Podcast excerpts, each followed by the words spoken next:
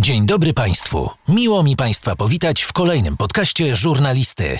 Zanim zacznie się rozmowa, chciałbym Państwa w imieniu gospodarza poprosić o wystawienie oceny i obserwację podcastu. Nie zajmie to Państwu więcej niż kilka sekund. Sam prowadzący ma dla Państwa prezent. To kod rabatowy na 20% w sklepie gbs.pl, który znajdą Państwo w opisie podcastu. Życzę dobrego odsłuchu. Dzień dobry Państwu. Nazywam się Marcin Sochacki. Jestem założycielem marki Engo Cars i serdecznie zapraszam na podcast Żurnalist. Partnerem podcastu jest Kuchnia Wikinga, catering dietetyczny.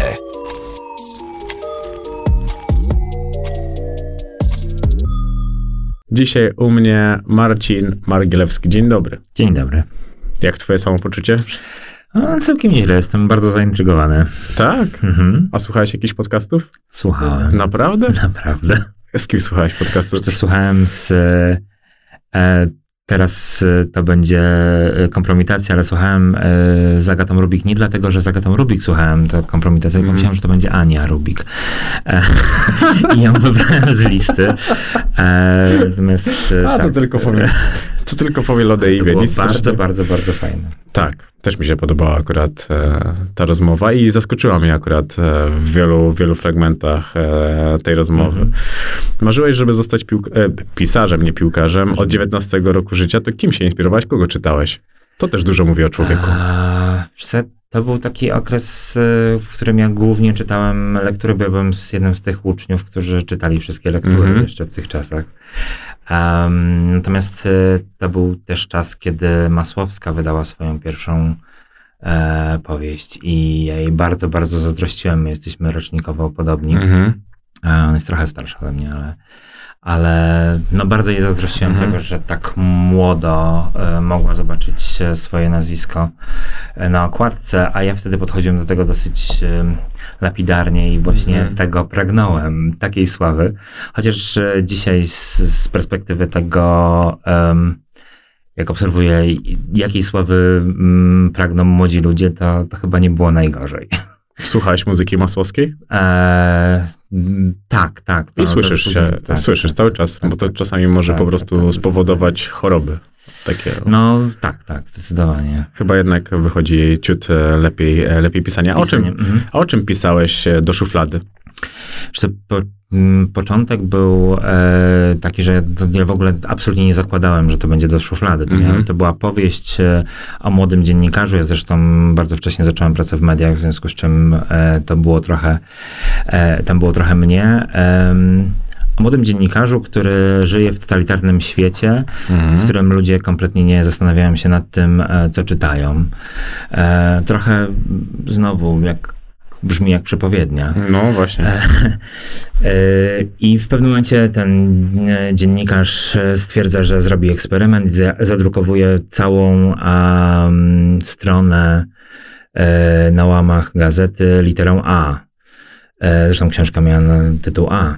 Mhm. I okazuje się, że w tym państwie litery mają osobowość prawną. On doprowadza do sporych zawirowań, ale jednocześnie władza stwierdza, że ma taką władzę nad e, słowem i literami, że Mhm.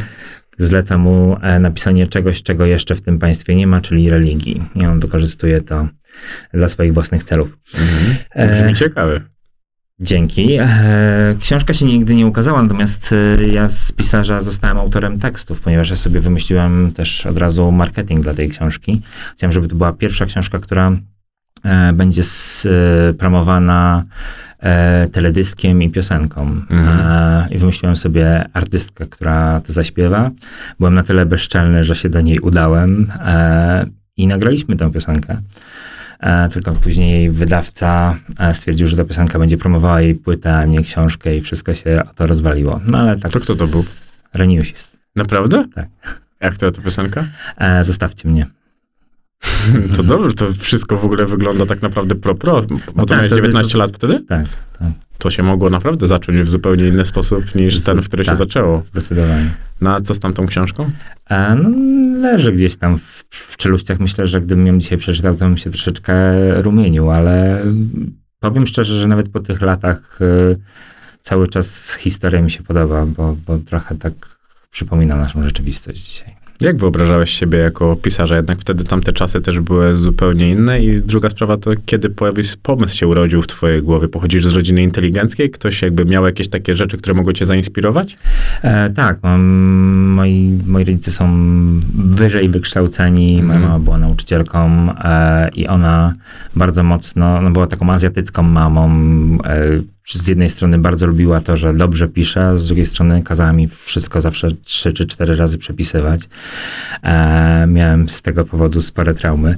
E, natomiast em, to, chyba, to chyba z tego wynikało. Mhm. Zresztą zawsze pisałem jakieś e, rzeczy i on- one tak właśnie do, do tego momentu 19 roku życia nie miały żadnych e, form. Mhm. Dopiero wtedy zaczęły się marzenie. Pracowałem w mediach od 16 roku życia. E, na początku, e, ponieważ chodziłem do klasy dziennikarskiej w liceum, e, to było tylko takie statystowanie w rozgłośni radiowej. Mhm. Po czym skończyło się tym, że w, zasadzie po maturze zaraz zacząłem pracować w ogólnopolskiej gazecie i miałem taką olbrzymią potrzebę, żeby napisać coś dużego i coś ważniejszego i coś, co będzie żyło trochę dłużej niż tylko jeden dzień, tak jak w gazecie. To co był taki, który tekst był dla ciebie taki najważniejszy w tamtym okresie? Takim dorastania, bo już później to... Um, trudno mi powiedzieć, to, są, to jest mega, mega pytanie e, i nie chciałbym na nie odpowiedzieć lapidarnie, ale um, że ja się bardzo zawsze e, interesowałem religią. Mhm. Ja myślę, że ja w ogóle w tym, w tym czasie też e, jakby no każdy w tym czasie buduje swój światopogląd. Ja bardzo dokładnie przeczytałem Biblię. Mhm. I, I wtedy właśnie dotarło, do mnie, że naprawdę podziwiam ludzi, którzy faktycznie przeczytali Bibli- Biblię ze zrozumieniem e, i zachowali wiarę. Mhm. Ja nie byłem w stanie i, i wtedy e, ku absolutnej rozpaczy bardzo wielu osób w, moim, e, w mojej rodzinie e, powiedziałem, że jestem ateistą. To były czasy, w których naprawdę, ja pamiętam jak to powiedziałem nawet w redakcji wśród ludzi, którzy byli, wydawało mi się, dosyć światli. E, I, I usłyszałem, a co w takim razie, w co, co ty takim, w takim razie będziesz teraz wierzył? E, bo ludzie sobie nie zdawali sprawy z tego wtedy bardziej, że można nie wierzyć w nic. E, Słowo też było egzotyczne. Totalnie, totalnie. Tak, tak. Ja pamiętam, że gdzieś tam kiedyś padło w telewizji dookoła i była taka otoczka. Tak jakby to było coś, coś nowego zupełnie, a szczególnie, że to były zupełnie inne czasy niż Tak. e, dzisiaj. Jaka była najważniejsza książka twojego dzieciństwa bądź dorastania? Na pewno taką miałeś. Ojejku, to będzie banał straszny. No. No ale to powinien być banał, tak mi się wydaje. No, Co mam odpowiedzieć? Dzieci z Bullerby? No, tak było niestety. E, albo istety, to jest w ogóle mega książka i to jest jedna z takich, e, takich tekst, jeden z takich tekstów, który się nie zestarzał. Mhm. E, on w żaden sposób nie jest obrazoburczy dzisiaj i nie, nie będziemy go zrzucać z półek, e, tak jak wiele innych książek, e, które mm, dzisiaj są mm, negowane, czasami słusznie, czasami Mhm. nie. E, ale tak, no, dzieci z Bullerby. to- No to Murzynka Bambo, Bambo byś e, wykreślił? Bo teraz Nie. największa, Nie, największa ja- ja taka te- komunikacja była z nim. Tak, no, czy z, przeminęło z wiatrem. E, Jest, jest sporo takich tekstów, ja- ale no, ja nie jestem zwolennikiem wykreślania tych tekstów, bo one są częścią historii, tak samo jak nie jestem zwolennikiem burzenia Pałacu Kultury. E, To jest część historii Mhm. i mm, owszem, powinniśmy w jakiś sposób czerpać z, te, z wiedzy, którą zdobywamy z, każdym, z każdą dekadą. Natomiast e, przy odpowiedniej umiejętności czytania i analizowania tekstów e, naprawdę one nie robią żadnej krzywdy. Kronikujemy też to, jak się to zmieniało. To jest, To zupełnie- jakby to jest tak. każdy, każdy kolejny rok, dekada, wiek, to, to zmiana. Jak ty patrzysz na zmiany, które nastąpiły w literaturze? A, no, trudno nie, nie oprzeć się takiemu wrażeniu, że, że, że się mocno spauperyzowała. Mhm. Ja mam bardzo duży problem, e, zresztą rozmawialiśmy o tym, e, z dużą ilością książek napisaną przez ludzi, którzy nie, nie potrafią się wypowiedzieć. E, i, I nawet jak promują te książki, to e, wiadomo, że nie napisali ich sami, ale Mhm. są na, na okładkach.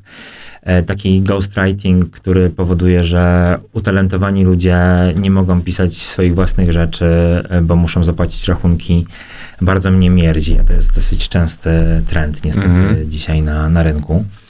Em, jest bardzo duża kom- komercjalizacja, ale z tym nie mam aż tak wielkiego problemu, ponieważ no, książka jest, e, żyjemy w kraju kapitalistycznym, książka jest produktem e, i jeśli się sprzedaje, to jest, jest i, i sukces. Gorzej, jeśli Mhm. jest e, promowana w sposób niemoralny i niewłaściwy.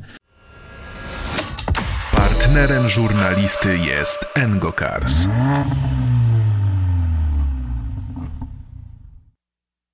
No co jest niemoralny i niewłaściwy sposób promowania książki? E, Opowiadanie o niej e, w sposób sensacyjny, niewłaściwie. e, Są różne, wiesz, jakby różne przykłady m, pewnie książek. W tym momencie trudno mi jest em, przytoczyć właściwy. Natomiast e, no ja mam na przykład, moje książki są takim przykładem tego, że czasami em, słyszę, że te okładki, no te Mm. książki świetne, ale te okładki. No sam ci to mówiłem E, przed. Dokładnie, słyszałem to niedawno. E, W każdym razie, no, to jest jeden z elementów, który, mm, który po prostu jest, jest wymogiem komercyjnego Mhm. produktu, a te okładki muszą przyciągać e, odpowiednią grupę e, ludzi, są stargetowane. E, I ja absolutnie uwielbiam moich czytelników, którzy, którzy je kupują dla tych Mhm. okładek. Lubię też tych, którzy mimo tych okładek je kupują. Tak, to pewnego rodzaju miłość wzajemnością, bo każdy musi rozumieć, że w miłości też są wady. Zobacz, ale artyzm został zarżnięty nawet w takiej dziedzinie, która wydawała się nie do zarżnięcia. Jeżeli chodzi o książki, to kiedyś wydaje mi się, że ich konsumpcja wyglądała zupełnie inaczej. Wiesz, no dzisiaj jest tak, że em, autorzy, którzy są nominowani do Nike, e, nie mogą się poszczycić e, często nawet 10-tysięczną sprzedażą. I to, to jest. To jest smutne. Często dowiadujesz się o tych książkach dopiero w momencie, kiedy są nominowane. I, Mhm. i z jednej strony fantastycznie, że jest taki plebiscyt, z drugiej strony e, co jest ważniejsze, to czy ludzie głosują, czy, czy głosuje kapituła, czy głos, głosują ludzie swoimi portfelami. Ja nie rozstrzygnę absolutnie, Mhm. ale mm, no jest to y, oznaka naszych czasów i nie wiem, czy bym mówił o, o zarżnięciu tutaj, bo jednak mimo wszystko są tacy bohaterzy, którzy piszą genialne książki i nie myślą o tym, żeby je dobrze sprzedać. Znaczy, no ale nie masz wrażenia, że to jest oksymoron na samym no tak, wejściu? No oczywiście, no to, jest, to jest problem taki, że wiesz, jakby coraz to mniej, zresztą kryzys e, spowoduje, że jeszcze mniej będziemy mieli e, tych e, debiutujących, e, genialnych, młodych ludzi, którzy, niekoniecznie też młodych, de, debiut Mhm. bywa w różnym e, wieku świetny, e, którzy nie będą mieli szansy, bo, bo wydawnictwa sięgają po sprawdzone y, metody i, Mhm. i po pewniaków. Em, i, I ludzie, którzy mają jakąś tam, e, zapewniają jakąś wysoką sprzedaż, e, e, będą się wydawać, natomiast debiutem będzie coraz trudniej. To jest akurat smutne i myślę, że o zarżnięciu tego będziemy dopiero mogli mówić za jakiś czas. W tej chwili, wiesz, wydanie książki, która niedawno kosztowała w produkcji niecałe 2 zł, kosztuje ponad 6 i wydawcy sobie po prostu nie mogą pozwolić na, na ryzyko. Tak, koszty niesamowicie wzrosły, jeżeli chodzi o to, to. To prawda. Są tacy artyści w Polsce, pisarze, których podziwiasz, jednak wydaje mi się, że ten nasz rynek, nie wiem, jest chociażby Szczepan Twardoch akurat, Mhm. który teraz e, wydał nową książkę. Są ludzie, których można chyba podziwiać. Są tacy, których ty czytasz z chęcią? Ja czytam mało polskiej literatury, przyznam Mhm. szczerze, e, ale podziwiam to, w jaki sposób e, prowadzą e, swoje kariery. I, I Szczepan Twardoch na pewno będzie jednym z tych nazwisk. Nie zaskoczy nikogo, jeśli wymienię Mroza, który Mhm. też e, jakby zadziwia mnie nieprawdopodobnie sprawnym e, marketingiem. To jest naprawdę duży, duża machina, bez wielkiej promocji, e, zupełnym przypadkiem e, w okolicach mundialu pokazuje się, ukazuje się książka z chłopcem kopiącym piłkę na okładce i, i nawet nie ma podłączania się za bardzo pod ten mundial. On nie udziela wywiadów na ten temat, a E, a wszyscy wiedzą, że to jest książka pod ten czas i, Mhm. i ludzie sięgają e, po nią właśnie, znaczy nie, nie tylko dlatego, ale, ale przy okazji. No jasne, że tak, no bo to E, to pobudza jest naszą wyobraźnię zupełnie naturalnie. Dokładnie, są takie, takie odruchy. E, więc y, jakby ja obserwuję, też jestem dużą część swojego, swojej kariery spędziłem na y, pracy w marketingu. Mhm. W związku z czym e, zawsze patrzę na, te na to od strony marketingowej. To są akurat takie tacy mistrze, tacy Mhm. wymiatacze. No Kuba Żulczyk i Ślepnąc od świateł też wydaje mi się, że marketingowo wyciśnięte tak bardzo, że tam już nic nie Tam zostało. Nawet wafelki hałowe zostały zaangażowane, także tak, tak. My, my, wydaje mi się, że my to potrafimy. Mówiłeś o tym, o tej klasie dziennikarskiej, o tym, że pracowałeś tak naprawdę od samego początku. Dlaczego zrezygnowałeś z dziennikarstwa? Znalazłem, że pracowałeś w CKM-ie, w Super Expressie, w gazecie, w TVP czy Polsat Cafe. Obraziłem się na dziennikarstwo. No, to dość łatwo się E, obrazić. Tak. e, I obraziłem się dosyć wcześnie, bo okazało się, że to, na co ja się obraziłem, to dopiero to był początek.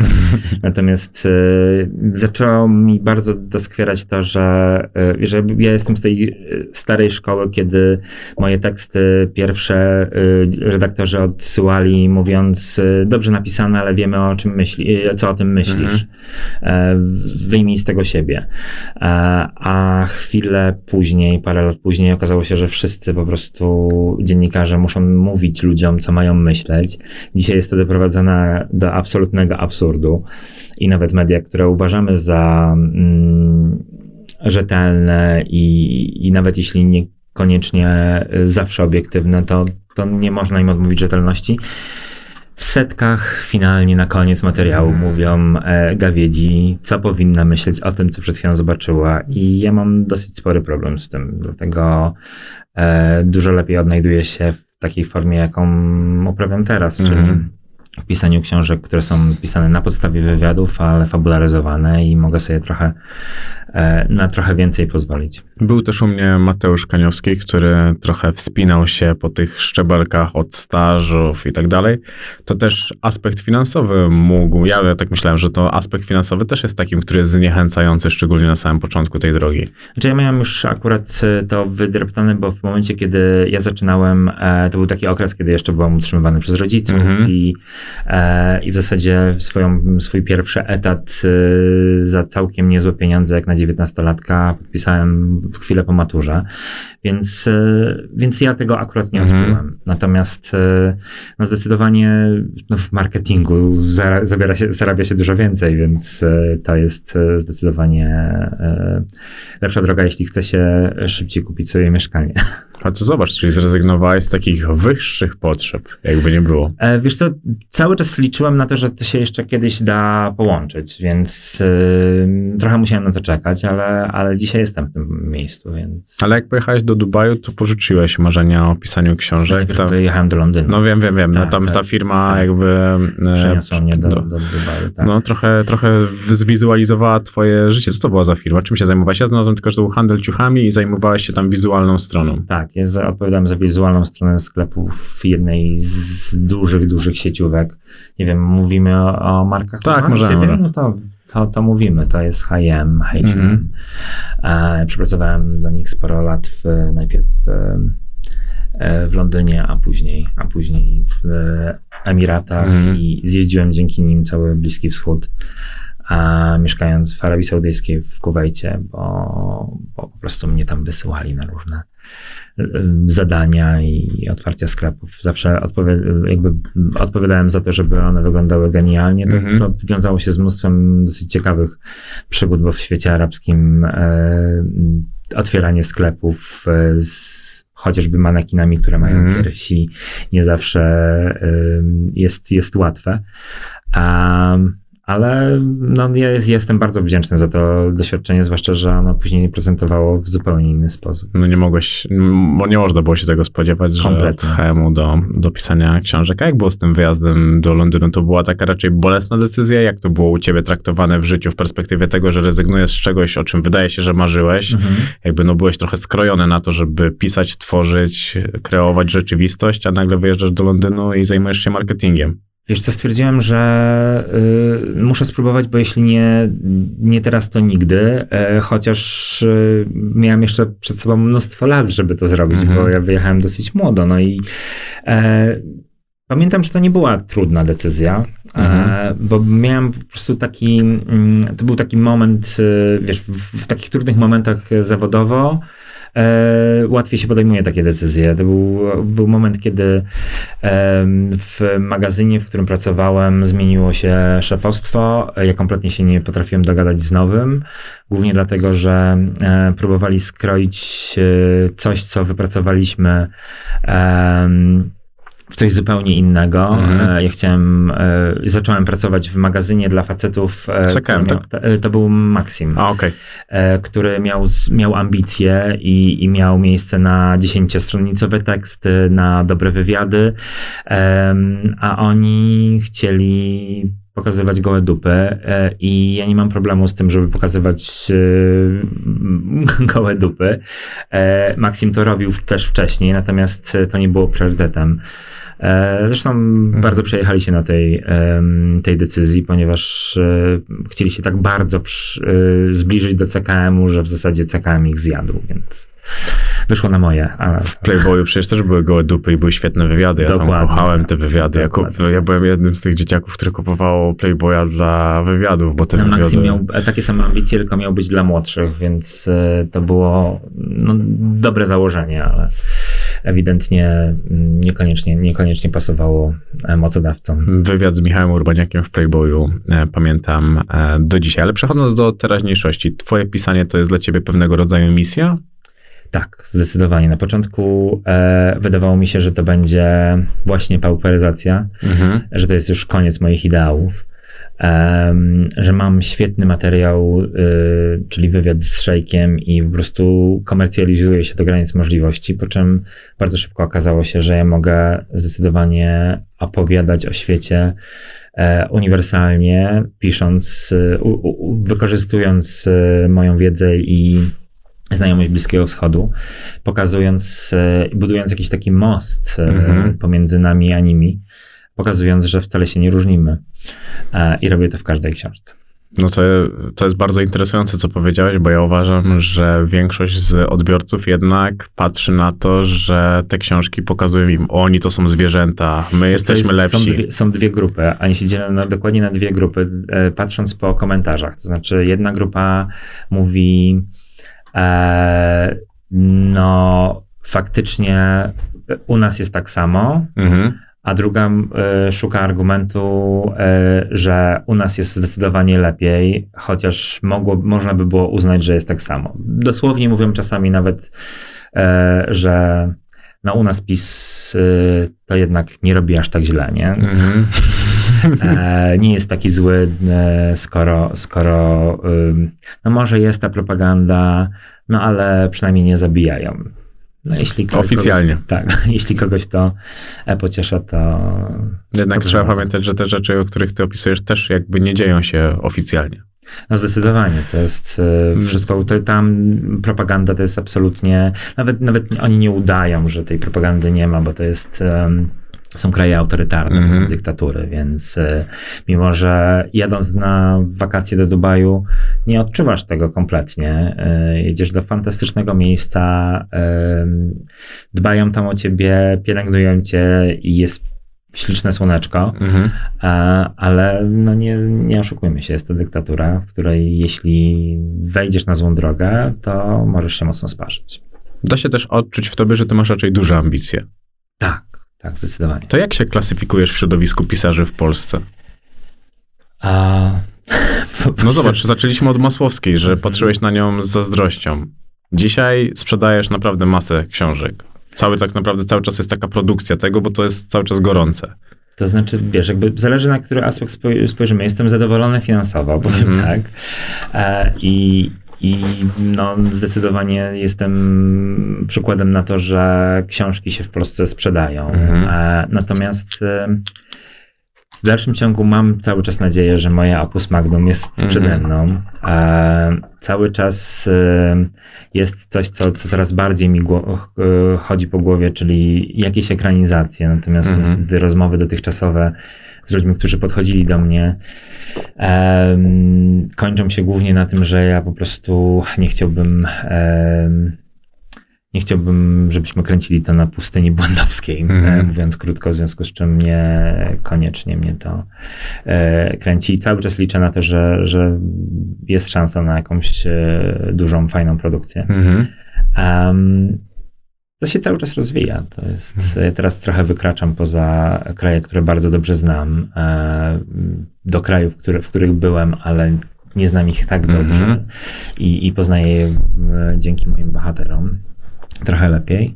Także no, no, plan na, na najbliższe czasy to jest trochę wykroczyć poza Arabię Saudyjską, Mhm. E, chociaż niekoniecznie jest to e, z powodu, bo ja mm, bardzo rzadko, wiesz, jakby to jest pierwszy wywiad e, od bardzo długiego czasu o mnie i ja mam bardzo rzadkie okazje do tego, żeby e, mówić co u mnie, Mhm. a akurat ostatnio e, zadziało się tak, że em, po ostatniej książce dostałem dosyć sporo pogróżek e, z Arabii Saudyjskiej. No to mnie w ogóle nie zaskoczyło, szczerze powiedziawszy. Mnie ciekawiło to, że ty jeszcze żyjesz.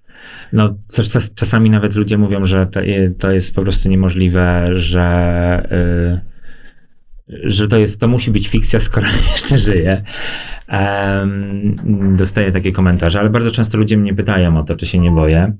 E, no ta książka akurat spowodowała dosyć spory wylew tego. E, Mhm. ja mam takie wrażenie, że część z nich to jest po prostu, to są obywatele, którzy kochają swojego księcia i, i po prostu mi grożą, ale mm, no, niektóre z tych wiadomości są takie, a jest ich naprawdę sporo, bo ja kiedyś przy jednej z książek, przy, Mm. przy księżniczkach dostałem e, sporo pogróżek, ale tam chodziło o jeden wątek i w zasadzie wiedziałem, że to są tylko i wyłącznie jacyś tam obywatele Mhm. oburzeni.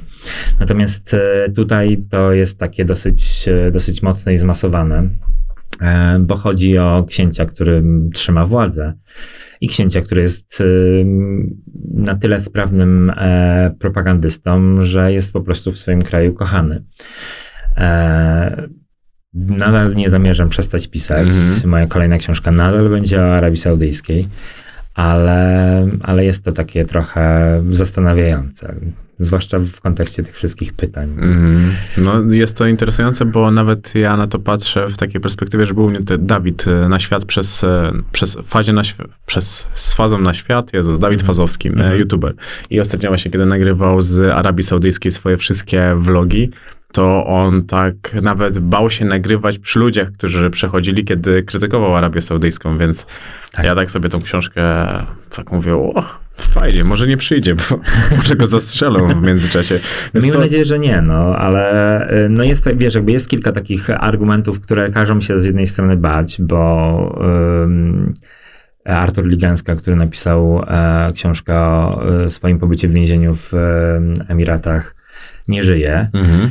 E, i nie bardzo wiadomo, co się z nim wydarzyło, e, natomiast y, no, ja trochę, trochę przyznam szczerze, że po raz pierwszy jestem taki poruszony, ale, y, ale nie zamierzam przestać, więc jakby To, co robisz, jest podobne do Szymona Jadczaka?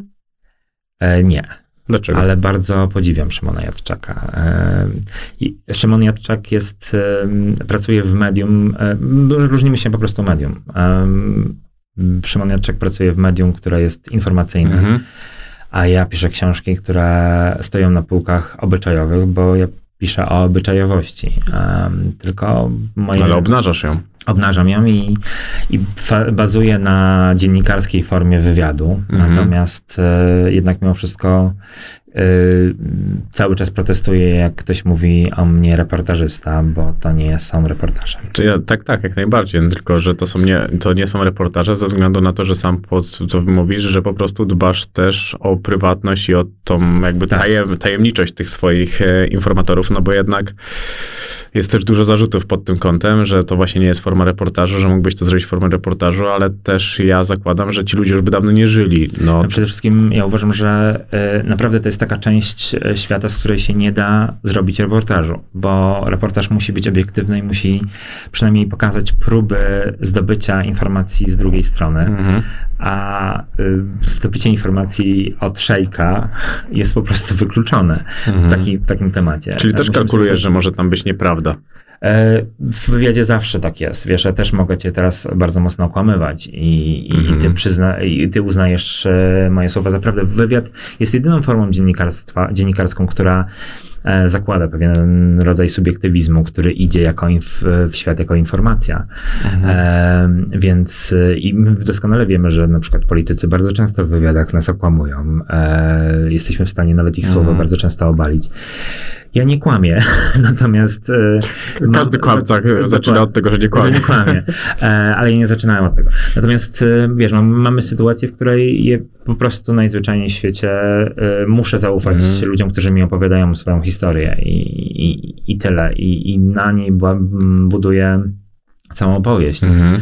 Mamy historię, mamy, wiesz, jakby bardzo mi pomaga to, że ja w Arabię Saudyjską i Emiraty znam, więc ja też mm, mam możliwość budowania atmosfery tych e, miejsc i tych Mhm. wydarzeń.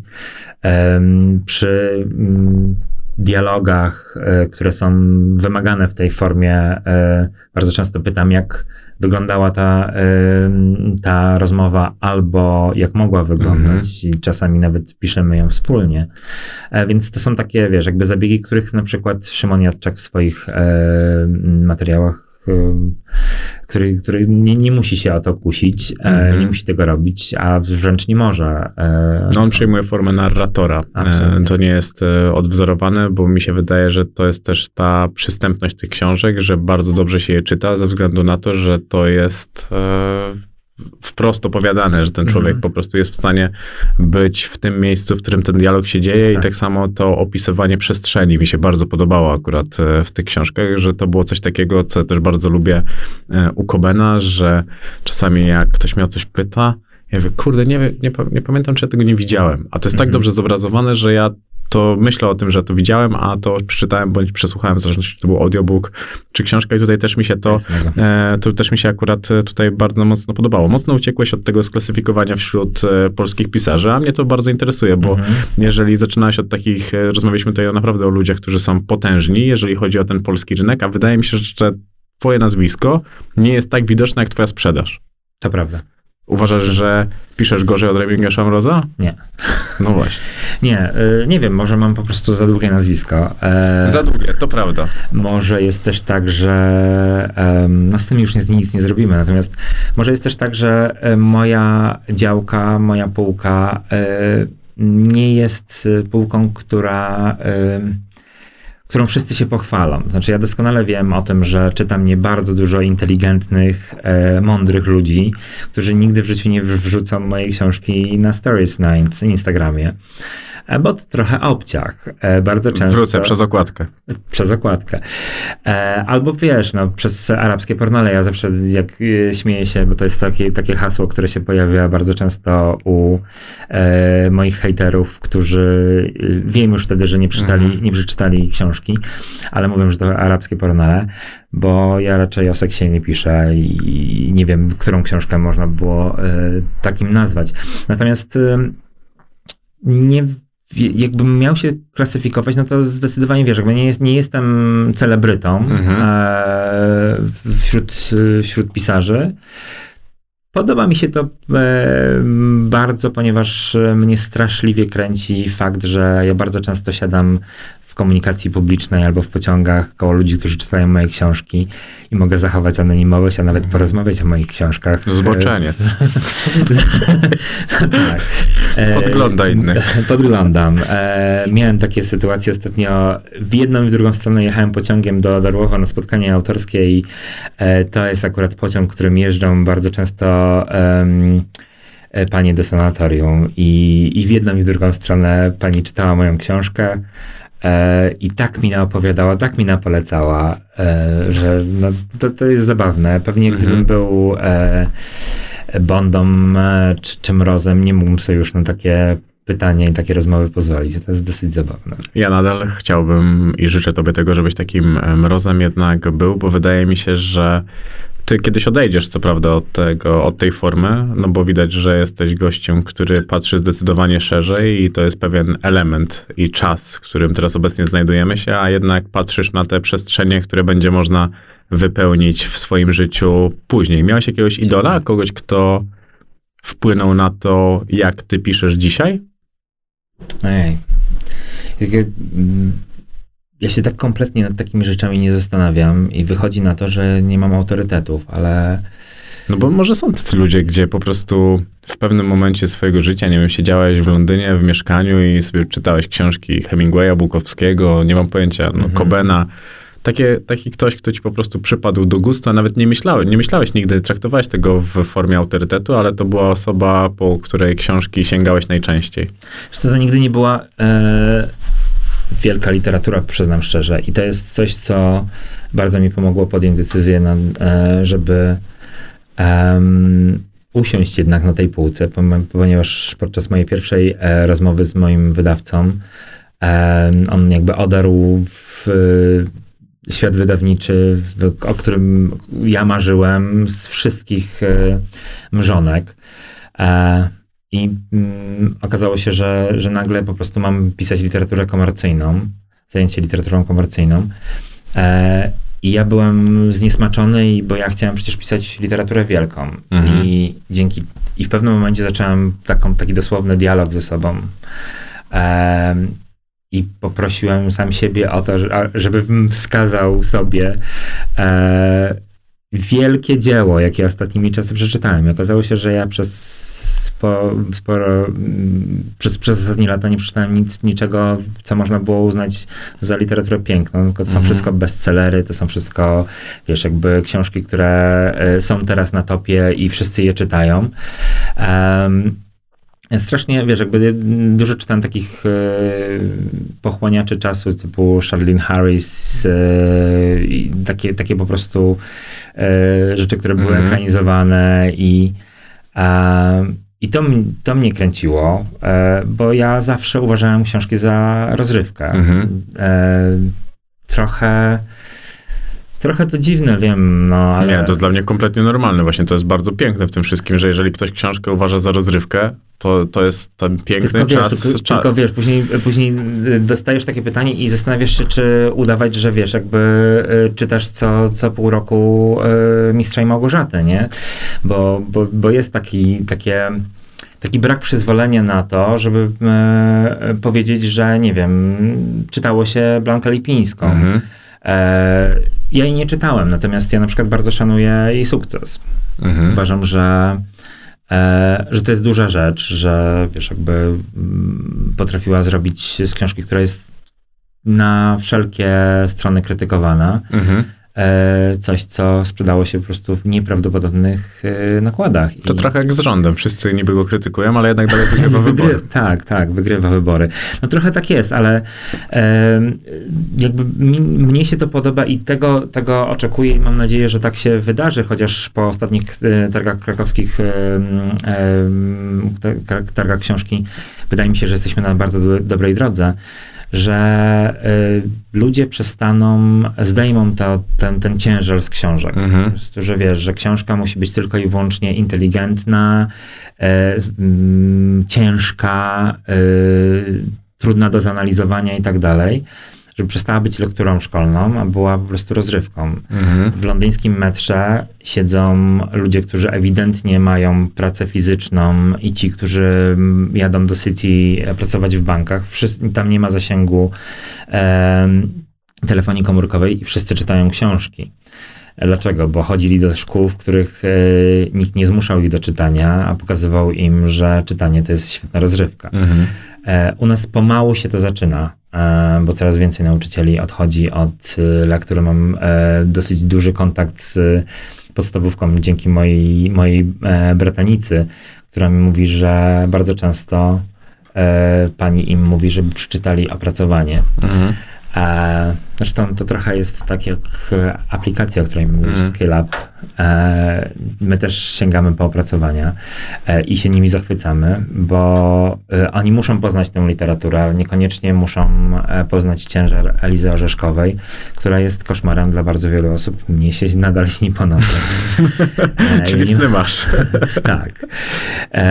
Natomiast fajnie, jeśli w tym momencie, w tym czasie spędzonym nad Elizą Orzeszkową przeczytają coś, co naprawdę ich kręci i uznają, że książki są fajne.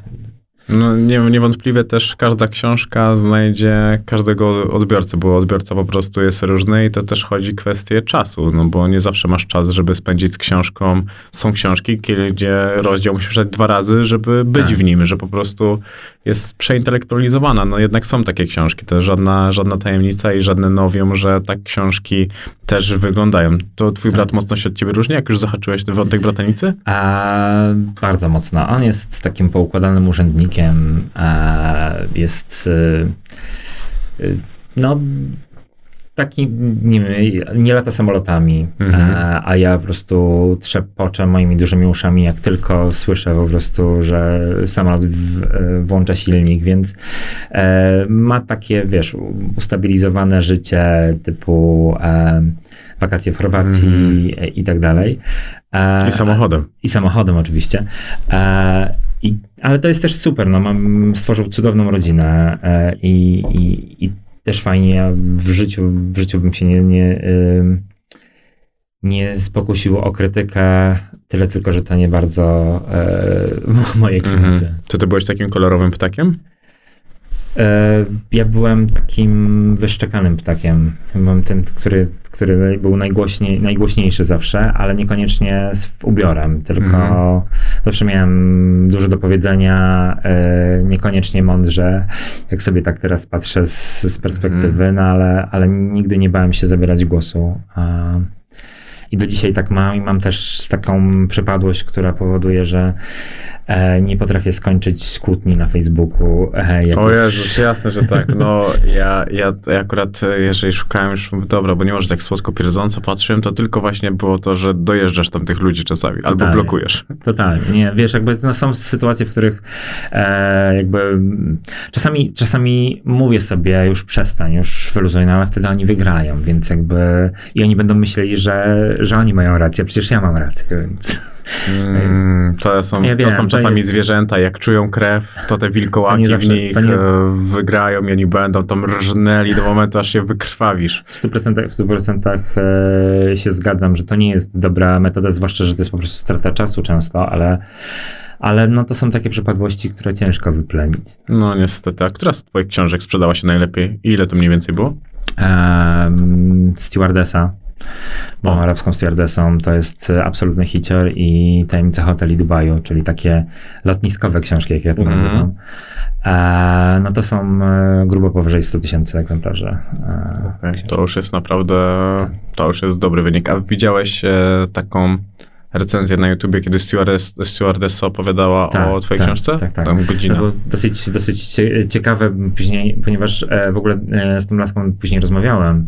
Ona e, tam krytykowała informacje o tym, jak to niewłaściwie przedstawiłem e, życie stewardessy w e, liniach, e, których nie mogę powiedzieć.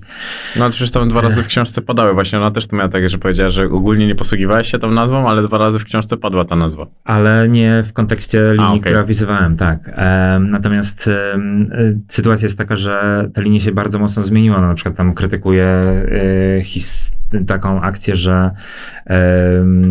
trzeba było awansować do A380, czyli do najwię- największego e, samolotu. Mhm.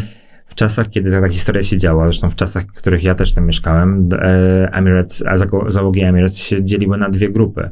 E, na tych w gra, granatowych garniturach którzy, i niebieskich koszulach, którzy e, latali zwykłymi liniami Mhm. i tych, które, którzy latali w brązowych e, mundurach e, w, na tych największych samolotach lotniczych. Także owszem, ma rację w bardzo wielu punktach, mówiąc o tych liniach dzisiaj, Mhm. natomiast niekoniecznie w momencie, w którym nie wzięła pod uwagę tego, że ta książka dzieje się trochę wcześniej. Mhm, Okej, no bo to też mnie, to też mnie jakoś tak zastanawiało, jak sobie to, to oglądałem, no bo nie mam pojęcia o życiu stewardessy. Znaczy, ja byłem absolutnym fascynatem latania. Zresztą ja e, w, czasach Emiratów miałem też taki moment, kiedy e, ponieważ tam wszyscy, po prostu wiesz, jakby nie ma, nie ma możliwości nie mieć e, znajomych, którzy latają, e, którzy lat, e, nie latają. Mhm. Znaczy, Zawsze masz jakiegoś stewarda albo stewardessa e, w rodzinie, przyjaciół.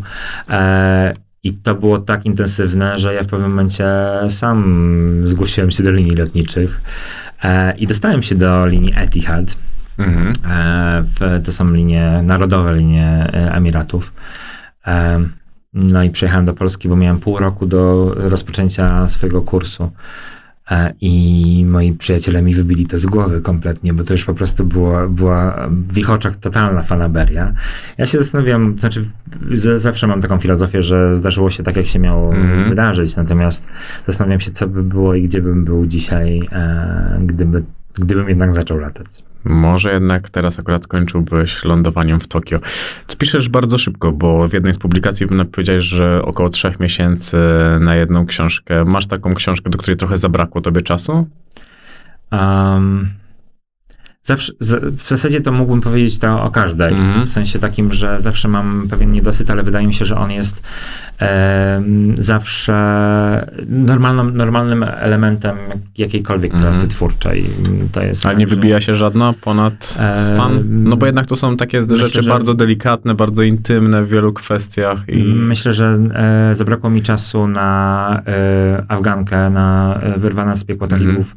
Najbardziej ze względu na to, że ja musiałem pisać w jednym czasie, ze względu na e, terminy wydawnicze dwie książki. Mhm. I, I e, bałem się bardzo mocno, że em, że ucierpią na tym, a ponieważ Afganka została wydana pierwsza, e, to, to przy niej chciałbym mieć jeszcze ze z dwa tygodnie. Mhm. Ale, ale gen- generalnie no, staram się po prostu być, że mam taki bardzo, mm, nie będę tutaj opowiadał o tym, jak Remigiusz, że, że wstaję o tej i o tej, piszę, a potem idę Mhm. biegać. Natomiast staram się mieć taki, taką higienę życia, że wychodzę do kawiarni e, jak do pracy i, i pracuję. E, oczywiście to nie jest e, typowa praca w korpo, tylko jakieś tam trzy godziny Mhm. przy kawie w kawiarni mimo wszystko, ale, ale, ale w ten sposób pracuję. Nie potrafię pracować w domu. Nie potrafię pracować w ciszy i to jest coś, co y, czego nie umiem, natomiast Mhm. y, zawsze staram się po prostu jakby zro, zrobić, robić z tego jednak zawód. No. To która kawiarnia ma najwygodniejsze fotele jednak? Posiedzenie w jednym fotelu, tak tyle E, czas? Będą sieciówki, Tak? tak. Okej, będą to widzisz. To tak się zastanawiałem, czy już tak masz, że zwiedzasz, czy jesteś tym gościem, który lubi jedną i Jedną, chodzi i w to jedną. samo miejsce? Tak, tak. O, to- E, to jest trochę tak, że mm, to jest na takiej zasadzie, że właśnie y, chcę mieć ten, ten, to wrażenie, że idę jednak mimo wszystko do biura. Mhm. A masz E. swoją bibliotekę w domu jakąś? E, 6 tysięcy książek na Kindle. Okej. To... E, tak, ja e, posprzątałem swoją bibliotekę. Wywiozłem dosyć sporo e, książek e, do domku na wieś. E, natomiast i w domu mam tylko taką po prostu taką bardzo skondensowaną. Natomiast e, Kindle to jest jednak e, moje źródło książek główne. Mhm. Ja bardzo, bardzo lubię też swoją rozmowę z Kasią Bondą. Ona tam bardzo dużo opowiadała o tym, że ją inspiruje sztuka. Ona bardzo dużo pieniędzy wydaje w ogóle na sztukę, na, Mhm. na, na rzeźby. Ty masz też coś takiego, że inspirują cię takie inni artyści?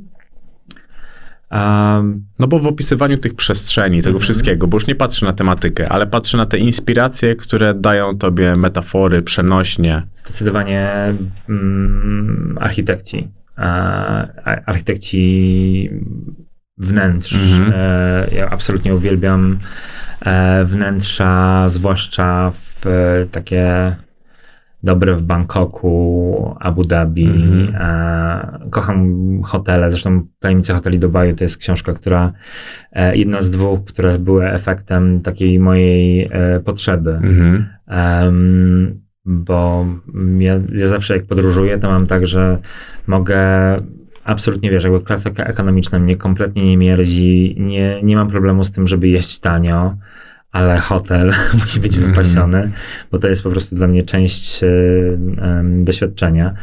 I zawsze po prostu musi to być hotel, który jest świetnie zaprojektowany. To, to mnie mega inspiruje. No to nawet Być mówiłeś, może że nawet może być krócej, ale w lepszym hotelu. tak, dokładnie. Mam, myślę, że to jest kwestia y, być może na to, y, na, na to o czym mówisz, na, na to opisywanie Mhm.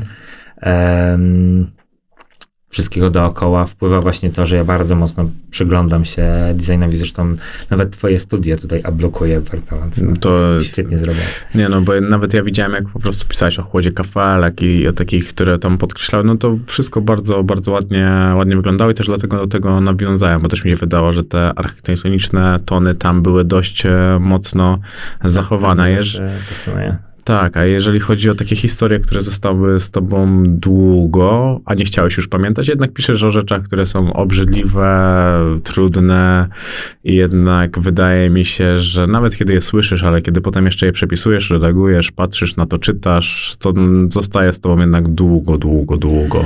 Czy na pewno jest y, jakby taką książką, która zawsze ze mną zostanie, głównie przez osobę, którą dzięki niej poznałem. E, będą Zaginione Arabskie Księżniczki. Mhm. E, znowu tytuł, który nie, może nie świadczy o tym, że to jest coś większego, ale moim zdaniem to jest, to jest mocna książka. To jest bardzo e, dobra książka, głównie dlatego, że e, mój rozmówca, Talal, Egipcjanin, e, był takim do- tej pory najstarszym w ogóle moim, Mhm. e, moim bohaterem, nieprawdopodobnie mądrym, który wcale miałem wrażenie, że on mnie strasznie nie lubi. On strasznie nie chce ze mną rozmawiać. E, on potwornie mnie k- prostował. Mhm. Miałem takie wrażenie, że, że on po prostu rozmawia z kimś, kto kompletnie nie wie o, o tym świecie i on tutaj po prostu takim ignorantem. Mhm. E, ale dzięki temu też powiedział mi mnóstwo bardzo ciekawych rzeczy e, i, i trochę naprostował mój światopogląd z takiego człowieka, który był e, łatwo, e, łatwy do zachwycenia mm, propagandowymi mekami, e, a on mi pokazywał rzeczy, które jakby od kulis Mhm. wyglądają zupełnie inaczej.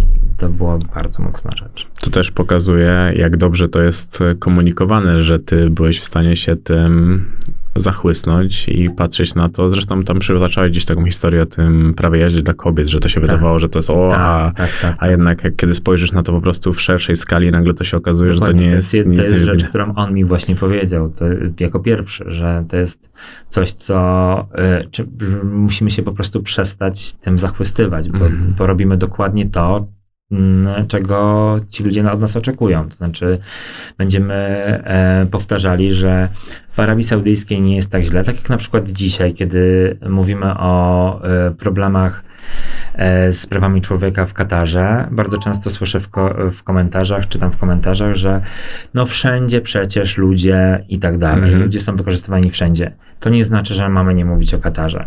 Mhm. Mówmy też o innych miejscach, ale e, ja nie, nie znoszę takich argumentów, nie znoszę symetryzmu. I No ale to niestety jest najprostsze odbicie piłeczki i Totalnie. niestety też myślę, że zdajesz sobie sprawę, że po prostu tak jest i Tak, dzisiaj mówimy o tak. tym, o Katarze, bo Katar jest powiedzmy trendy, Mhm. e, jest gdzieś tam e, wyjęty ponad, e, ponad ten szereg e, tych wszystkich Ale przy innych. okazji Kataru właśnie można e, powiedzieć też to, że na przykład o ile obrzydliwe jest ich podejście do e, mniejszości seksualnych, o tyle e, mają się absolutnie nijak i są wręcz tolerancyjnym krajem w stosunku do, e, w porównaniu do Egiptu na Mhm. przykład, który dosłownie terror, e, terroryzuje i torturuje ludzi w więzieniach.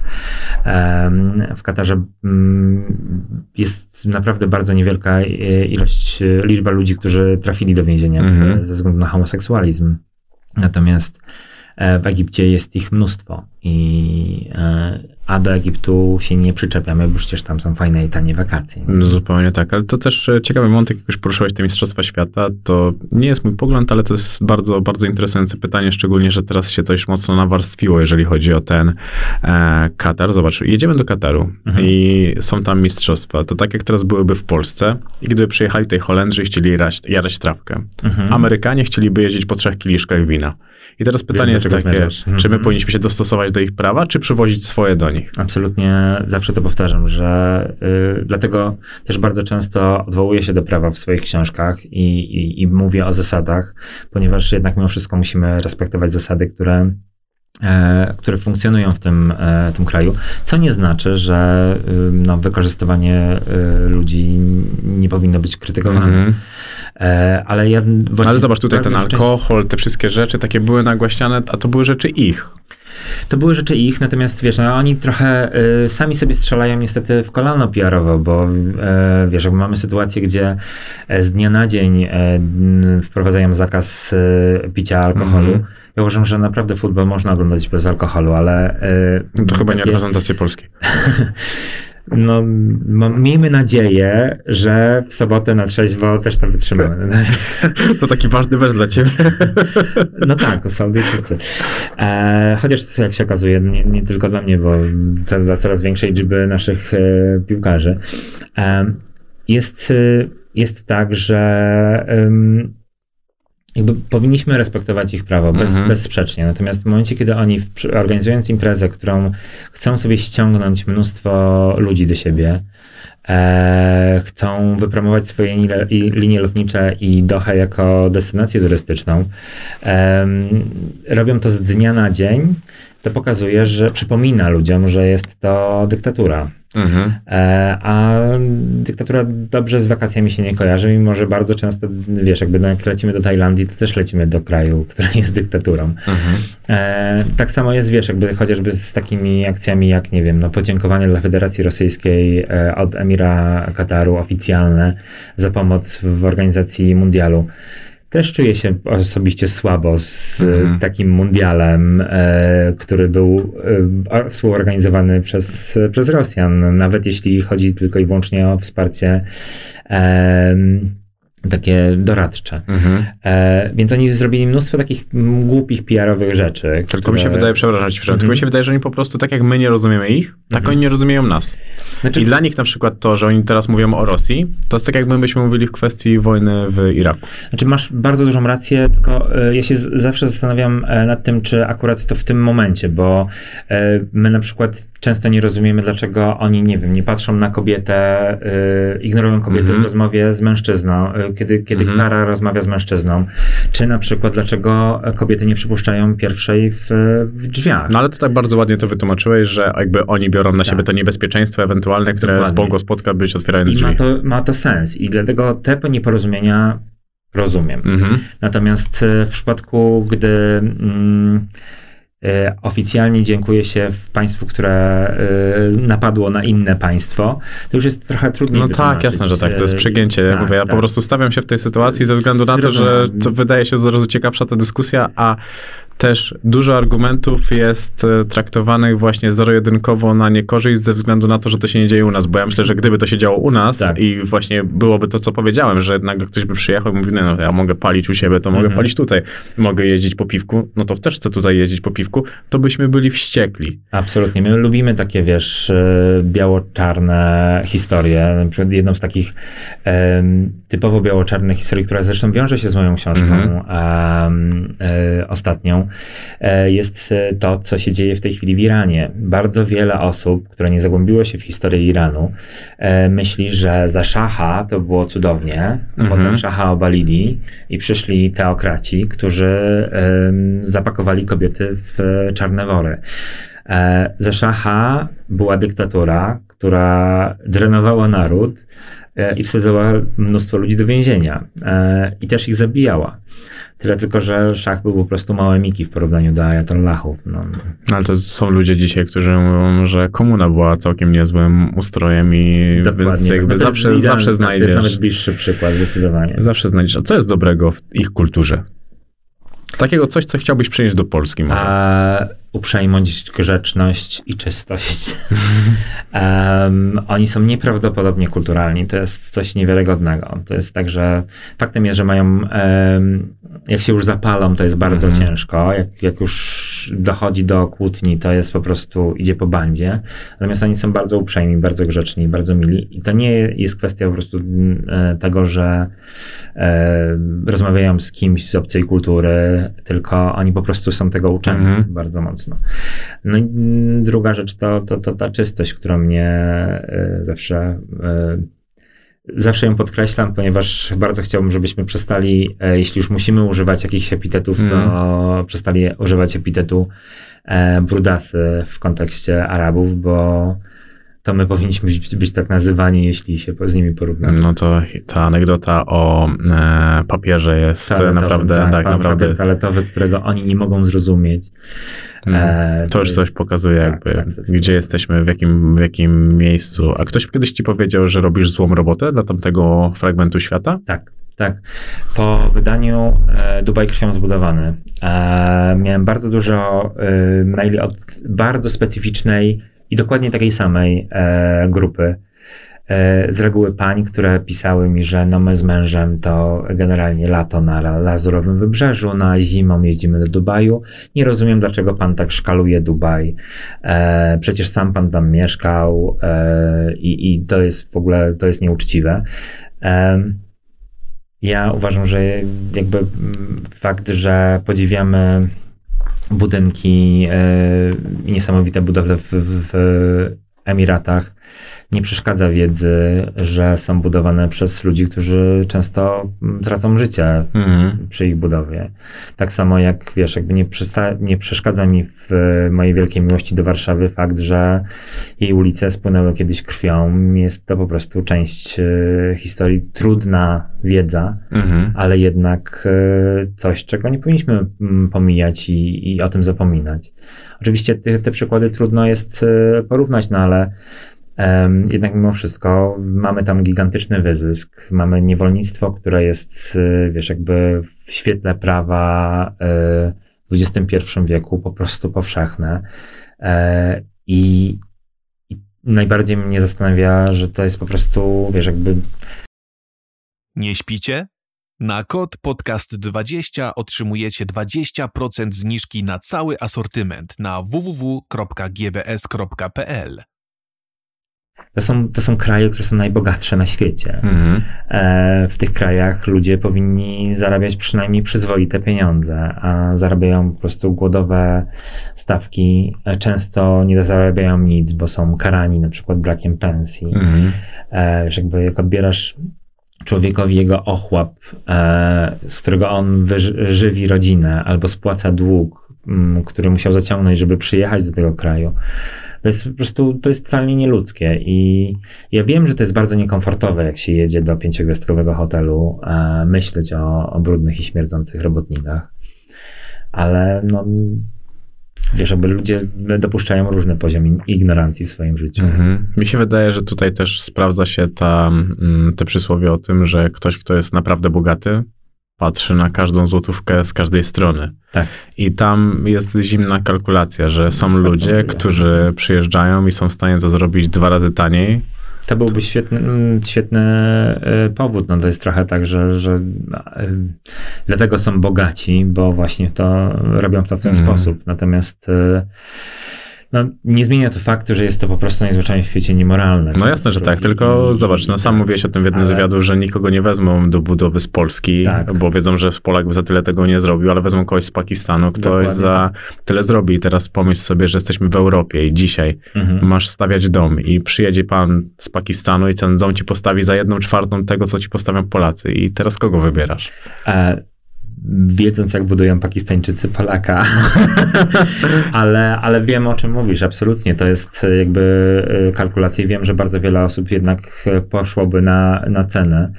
Ja w ogóle mam taką teorię, że za 10 lat będziemy słyszeli o pierwszych budynkach, które się w Dubaju zawaliły, bo po prostu standard tej budowy e, jest y, tragiczny, zwłaszcza, że ci ludzie po prostu bardzo często przyjeżdżają tam bez żadnego skilla. Jest Mhm. po prostu, wiesz, y, jest praca, więc jadą e, i, i to jest po prostu masakra. Ja y, mam mieszkanie w Dubaju. Kupiłem je i ono było wyremontowane pod klucz. E, wjechałem do niego z walcem, e, jak, jak je odebrałem, ponieważ e, no to po, po prostu była absolutna masakra i remontowali je Polacy.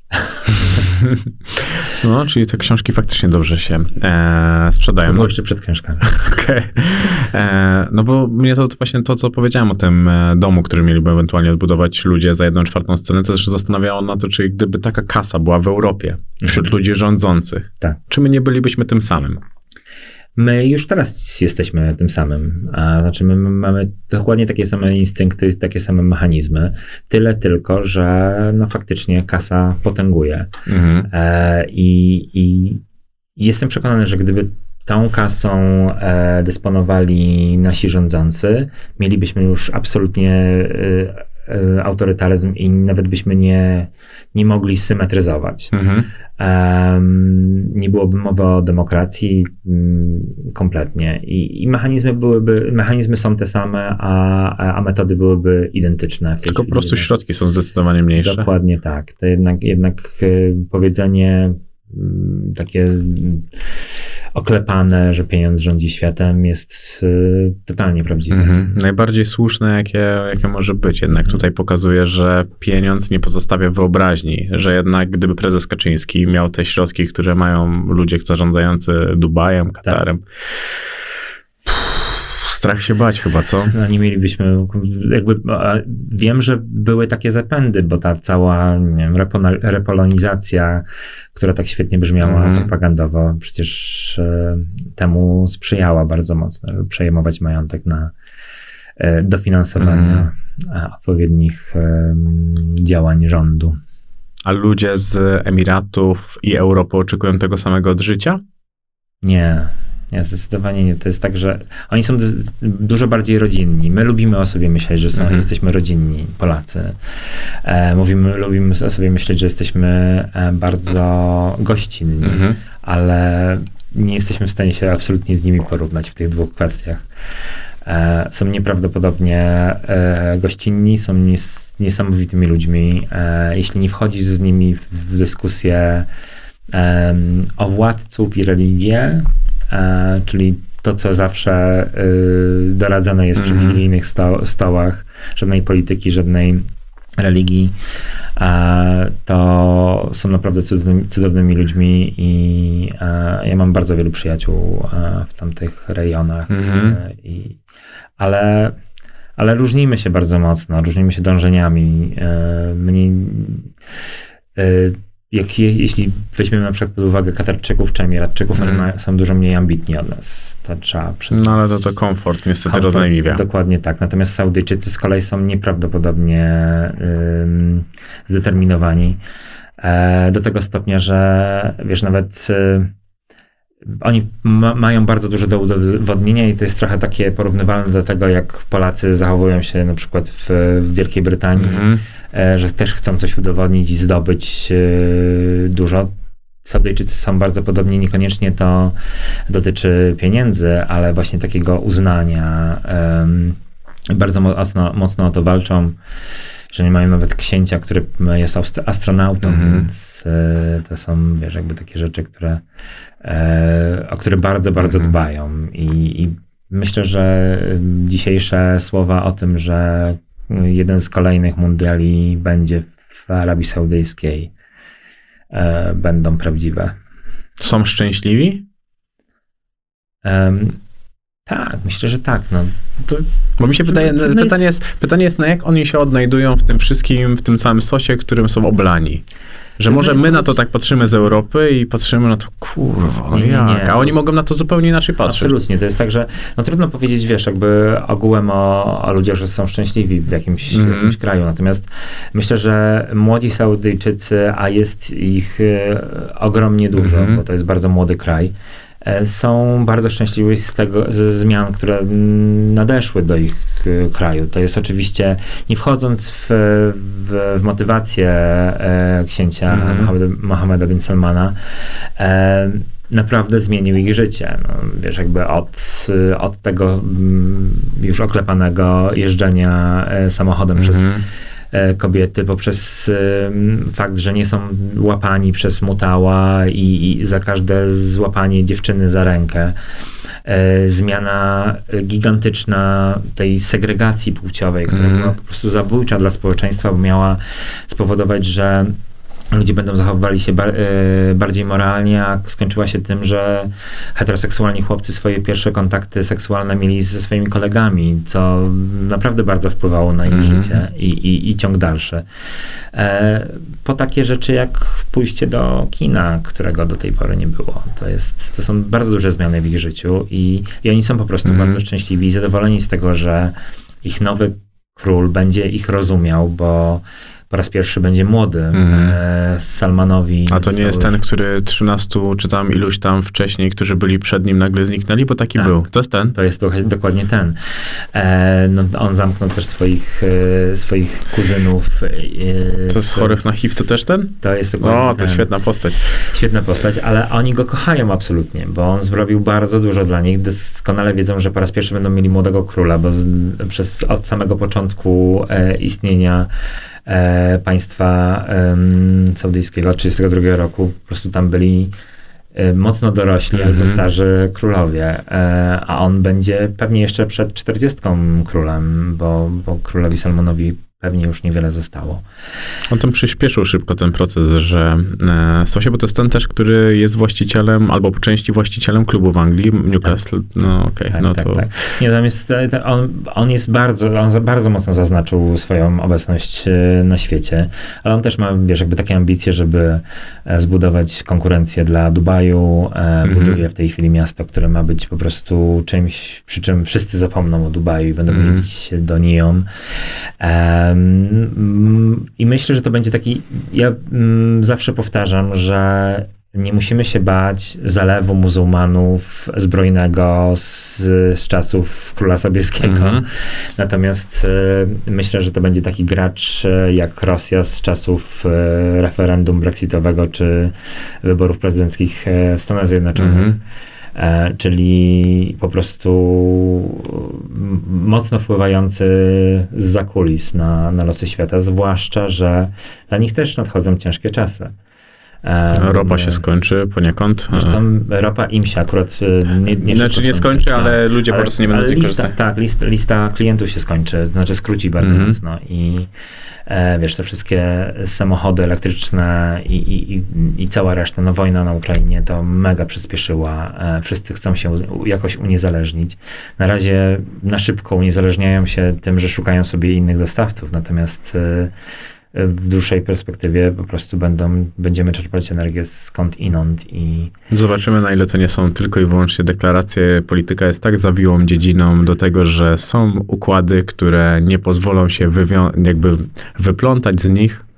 Być a może, dzisiaj ale... wizerunkowo są bardzo korzystne, ale przyszłość, przyszłość może zdefiniować zupełnie inny świat. Być może tak, natomiast moim zdaniem e, społeczeństwo i tak zrobi bardzo wiele w tej kwestii, Mhm. bo e, wiesz, jakby sam fakt e, nieprzeszkadzania w tym temacie spowodował, że wiesz, jakby na każdym dachu pojawiły się panele e, fotowoltaiczne i e, i my mamy takie dążenie do tego, żeby jedni mają motywację ekologiczną, inni, Mhm. inni finansową, ale, e, ale myślę, że społeczeństwo dużo, za, dużo załatwi w tym temacie. No ale zobacz, to, z tą ekologią to tak samo jak ten chichot losu, jeżeli o auta, jak już wspomniałaś o nich, no to przecież to nie jest w ogóle dbanie o ekologię, te baterie i to wszystko no, jest, prawda. jest akurat e, dużo szerzej powiązane. No, ale nie o tym. To jak wygląda tam jeszcze dziennikarstwo? Bo tego chyba nigdzie nie widziałem w żadnym wywiadzie u ciebie.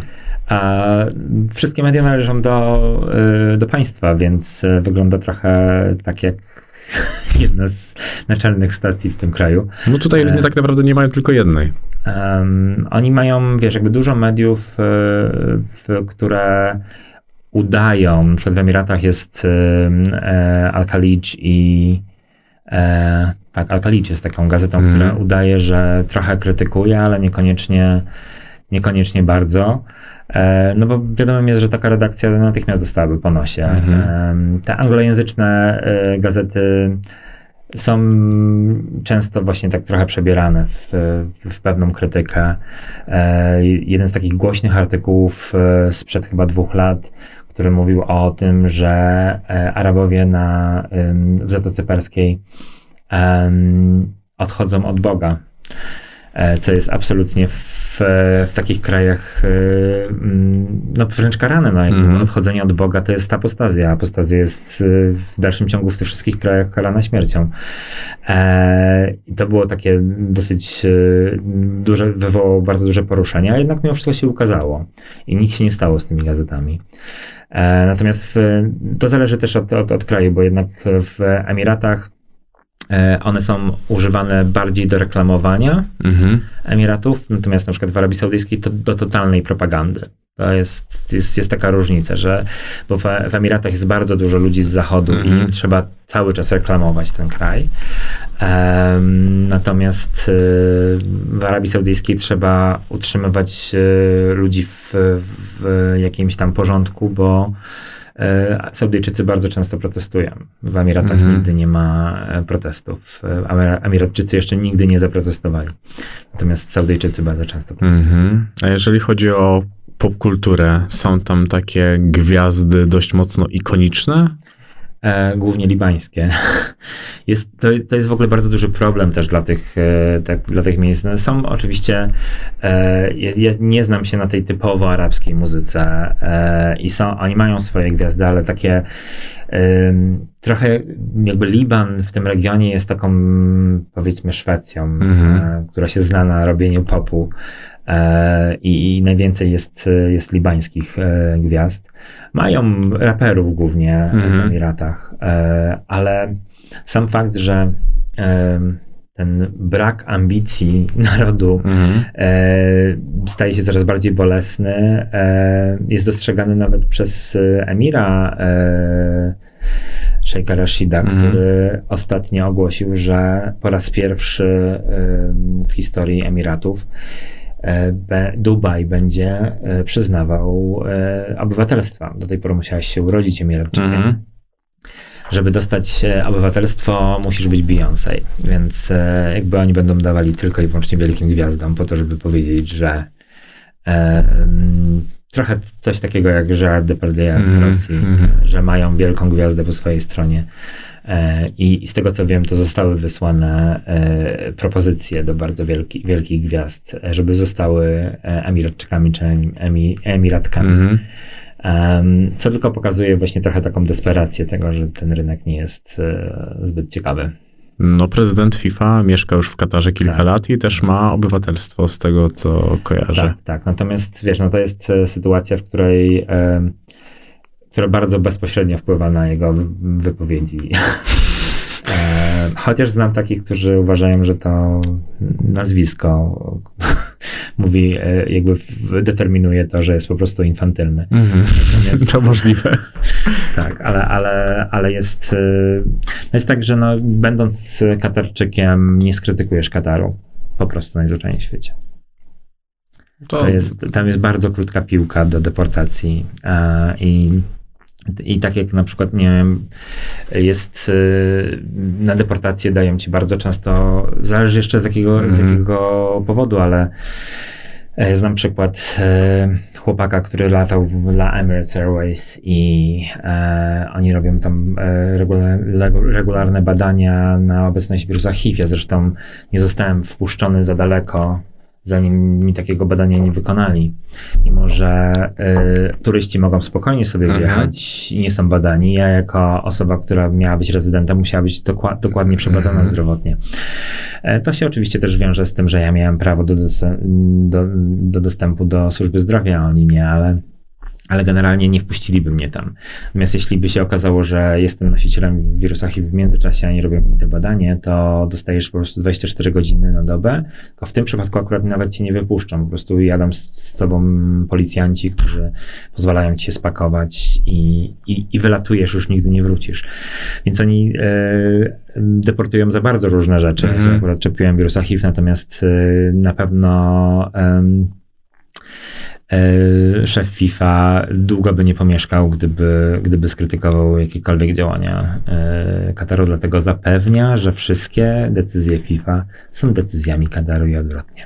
Tak, ta FIFA też mocno wyodrębniła te wszystkie swoje wałki mm, tą decyzją z Katarem, bo to było, nawet teraz jest ten dokument o FIFA, Tak, nie wiem, tak, czy już tak, go tak, widziałeś, czy nie, no ale Mhm. nawet y, przecież mówiono o tych mistrzostwach Europy, które odbyły się w Polsce i w Ukrainie, żeby to były kupione. Każde były Mhm. kupione. To nie jest tak, że tylko Katar kupił te mistrzostwa. Mhm. To się dzieje już od lat i to po Możemy prostu się cały czas tak. cały czas się po prostu postępuje, więc mm, tak, przyglądanie się teraz im e, wieje trochę hipokryzją. Ostatnio oglądałem Wieje Krzysztofa. hipokryzją, ale też mam, wiesz, jakby nadzieję, że jeśli finalnie, nawet jeśli teraz wybuchło, Jestem daleki do mówi- e, mówieniu, że mm, to jest rasizm wobec Katarczyków, bo uważam, że taki zarzut jest Mm. bzdurny. Ale nawet jeśli to wybuchło w tym momencie, to może wreszcie do czegoś dojdzie. Jestem, wiesz, jakby optymistą wiecznym Mhm. i, i być może się ułudzę, ale mam nadzieję, że no w końcu sport będzie, wiesz, sportem. Ja uważam, Mi że... wydaje, że sport nigdy nie był sportem. Właśnie to dochodzi po takim, jak zobaczysz taki dokument, to się okazuje, że piłka nożna nigdy nie była sportem. Piłka nożna była jednym wielkim przedsiębiorstwem, Tak. gdzie każdy miał zarabiać pieniądze. Tak samo jeżeli chodzi o afery korupcyjne, to Nawet pokazuje, już można że... zarabiać gigantyczne pieniądze na sponsoringu na przykład. E, Ja na, ja na przykład naszej kadrze nigdy nie, nie zarzucałem tego, że występowali w milionie reklam przed, e, w momencie, kiedy e, było o nich głośno, bo robi to dokładnie każdy artysta, który, który na przykład wydaje Mhm. płytę i akurat jest w, w kręgu zainteresowań reklamodawców. Natomiast e, no, łapówki to jest zdecydowanie z daleka, ale wiem, idealizm. No właśnie, bo to jest, to jest idealizm niestety i wydaje mi się, że jeżeli chcemy oceniać, to ważne jest to po prostu, żebyśmy patrzyli na to zdecydowanie szerzej. Ja, ja też nie jestem za tym, żeby te mistrzostwa odbywały się w Katarze, ale po prostu to jest taka gra, oni tak, tak tą grę stworzyli i dzisiaj, kiedy miała powstać ta, mm, Jezus, już nawet nie pamiętam jak to się miało nazywać, ale miały te najlepsze zespoły po prostu stworzyć swoją Mhm. Ligę Mistrzów, Mhm. to nagle była wielka uraza, że jak to możliwe, że chcą zabić piękno piłki nożnej. Piękno piłki nożnej zostało zarżnięte jak te tak. małe prosiaki, które y, w Chorwacji talerzami kroją. No niestety tak wygląda Totalnie. świat. Ale wiesz, jakby to też psuje w ogóle mm, fakt, że na przykład Katar moim zdaniem jest naprawdę świetnym miejscem do zorganizowania takiej imprezy. E, I to mogłoby być naprawdę super święto. A tylko e, no wiesz, jakby cały ten brud dookoła, nie tylko łapówkarski, spowodował, że jednak mimo wszystko e, to się nie udało. Ja myślę, że w ogóle na przykład y, gdyby to były Emiraty, to my byśmy mówili o zupełnie innych rzeczach. Znaczy, na pewno mówilibyśmy o wykorzystywaniu Mhm. robotników, to na pewno, ale, ale Dubaj jest jednak dużo bardziej przygotowany do takich rzeczy. Katar jest drugim najbardziej kon, konserwatywnym krajem Mhm. w Zatoce- Zatoce Perskiej, a, więc to jest e, też bardzo utrudniające w organizacji takich mistrzostw. A, No, szczególnie, że cały, zjeżdża cały świat. Ta Tak. kultura jest bardzo różna. Już mówimy o Europejczykach, ale są ludzie z Afryki, gdzie masz Tak. to po prostu wszystko, e, wszystko pogodzić. Ja na to patrzę z takim przymrożeniem oka, że jednak piłka nożna już tak dawno stała się biznesem. Jeżeli sprzedajesz jednego gościa za 222 miliony e, euro bądź funtów, nie pamiętam w której walucie, to Mhm. spójrzmy prawdzie w oczy. Tym stała się piłka nożna. To piękno, o którym opowiadamy, tak naprawdę to jak te bajki, no, nigdy nie istniały i niestety tak został skonstruowany ten świat i ta cała rozmowa pokazuje to, że tu tylko i wyłącznie chodzi o pieniądze. Pieniądze Mhm. rządzą światem, bo jeżeli my mielibyśmy takie pieniądze, prezes Kaczyński, PiS miałby takie pieniądze, jak mają ludzie w Katarze, nie różnilibyśmy się niczym. Może bylibyśmy nawet jeszcze ciut smutniejsi i mniej, to mniej, mniej prostu... E, mniej powodu, mniej witaminy D i słońca, która wpływa ewidentnie na, na to, że jesteśmy dużo, mm, dużo smutniejszym Mhm. narodem generalnie.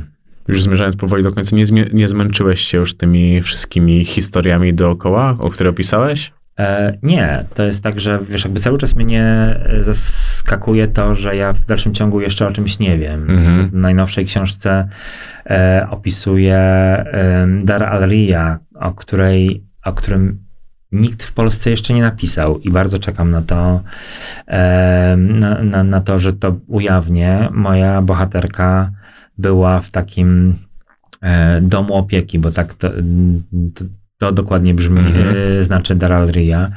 E, to jest zakład korekcyjny dla kobiet, e, które są nieposłuszne i są nie na, właści- na niewłaściwej drodze. Mhm. E, córek, które nie chcą wyjść za mąż za mężczyznę wybranego przez rodziców, żon, które sprzeciwiają się mężowi i tak dalej.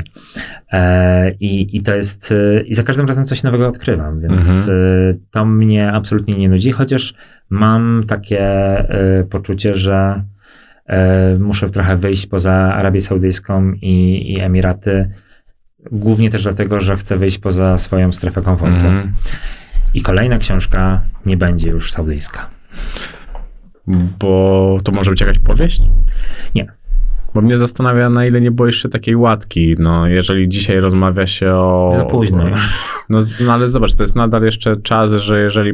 No bo nie, znaczy może da się pisać do, tego końca, do końca życia, to Mhm. nie, nie, nie mam pojęcia, ale jest jeszcze przestrzeń do tego, żeby robić coś e, innego. Nie mówię, że to źle, czy to lepiej, ale wydaje mi się, że nadal ten mały chłopak, który zaczyna opisać te wszystkie rzeczy, ma jakieś takie rzeczy, które z niego biją i chcą, żeby wyszły. Co, będzie tak. Jestem przekonany, że to się wydarzy, bo jakby wszystko, co do tej pory zrobiłem Mhm. zawodowo, e, bardzo się od siebie różniło. Jestem przekonany, że przyjdzie taki moment, kiedy zmieni się to w coś zupełnie innego.